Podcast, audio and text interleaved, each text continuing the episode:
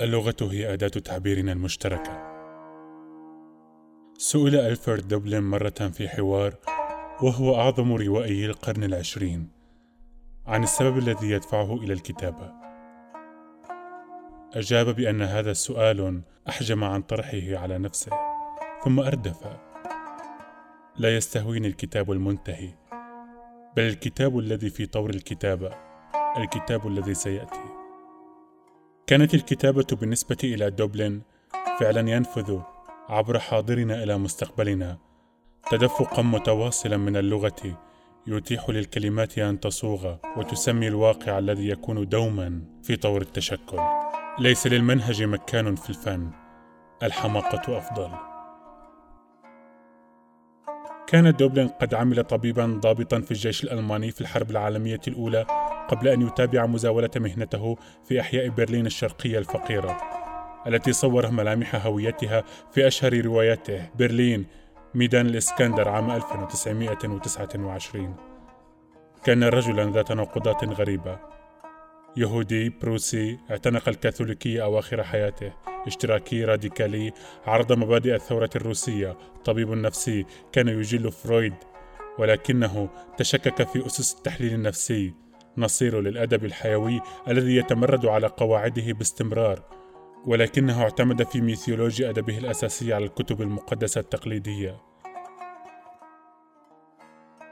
كان موضوعه هو الهوية المتغيرة في عالم القرن العشرين. لكن بطله لكن بطله كان أيوب العهد القديم الموجود في جميع البشر الذي يعاني دون أن يتسم بالحلم. ويصرخ ببلواه دون أن يبالغ في الشكوى بحيث أصبح مثالا لضحية البلاء غير المبرر. عام 1933 بفعل تهديد صعود النظام النازي لجأ دوبلين مثل مثقفين ألمان كثر إلى فرنسا مع عائلته ليفر بعد سبع سنوات إثر احتلال باريس عبر طريق خطرة مجتازا إسبانيا والبرتغال متجها إلى الولايات المتحدة. عرضت عليه هناك فرص عمل عديدة بما فيها كاتب سيناريو في هوليوود ولكن دوبلين عانى في عزلة شديدة في منفاه إذ عجز عن إيجاد لغة مشتركة في أرض مضيفيه. وعندما اتهم كاتب بقي في ألمانيا خلال سنوات الحكم النازي من غادروا بأنهم يستمتعون بكنبات وكراسي الهجرة الوثيرة رد دوبلين أن ترحل من بلد إلى آخر أن تفقد كل ما تعرفه. كلما كان قد غذاك. أن تكون في ارتحال دائم وأن تعيش لسنوات كمتسول فيما أنت لا تزال قويا لكنك تعيش في المنفى. هذا ما تبدو عليه كنبتي وكرسيي في المنفى. ومع هذا وبرغم عزلة المنفى استمر دوبلين في كونه بحسب كلماته مسكونا بغريزة الكتابة. اللغة بحسب دوبلين كائن حي. لا يعيد رواية ماضينا بل يصوره. إنها ترغم الواقع على إظهار نفسه تنقب في أعماقه وتعرض المواقف الجوهرية الكبيرة والصغيرة من الوضع البشري. وتتيح لنا فعليا معرفة لما نحن معا. معظم وظائفنا البشرية فردية. لا نحتاج إلى الآخرين كي نتنفس أو نمشي أو نأكل أو ننام. ولكننا نحتاج إليهم في التحدث وكي يعكسوا لنا ما قلناه. فاللغة كما صرح دوبلين صيغة من حب الآخرين.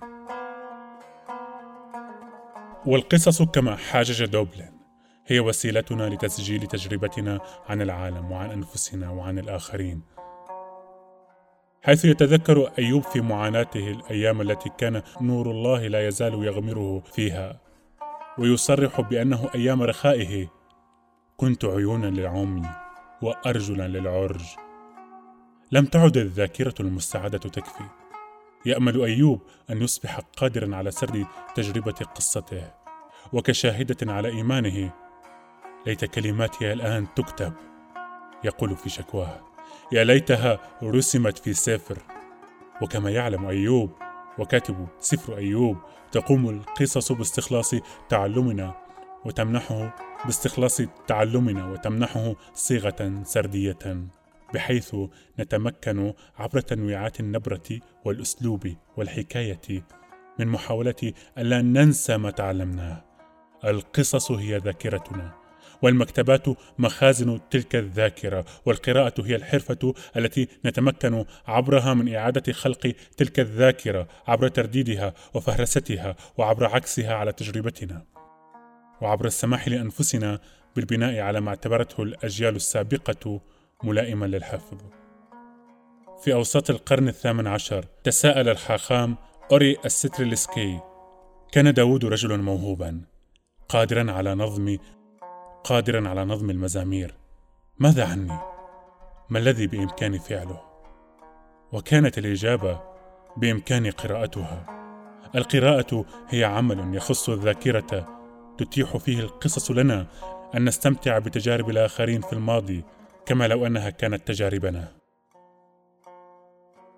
ضمن ظروف بعينها بامكان القصص أن تساعدنا. بإمكانها شفاؤنا أحيانا وتنويرنا وتبيان الطريق لنا. وقبل أي شيء آخر بإمكانها تذكيرنا بظروفنا حيث تخترق المظهر الزائف للأشياء وتجعلنا متنبهين للتيارات والأعماق الضمنية.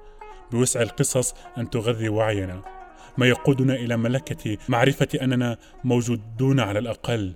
إن لم يكن معرفة ماهيتنا وهذا الإدراك جوهري يتطور عبر مواجهة صوت آخر.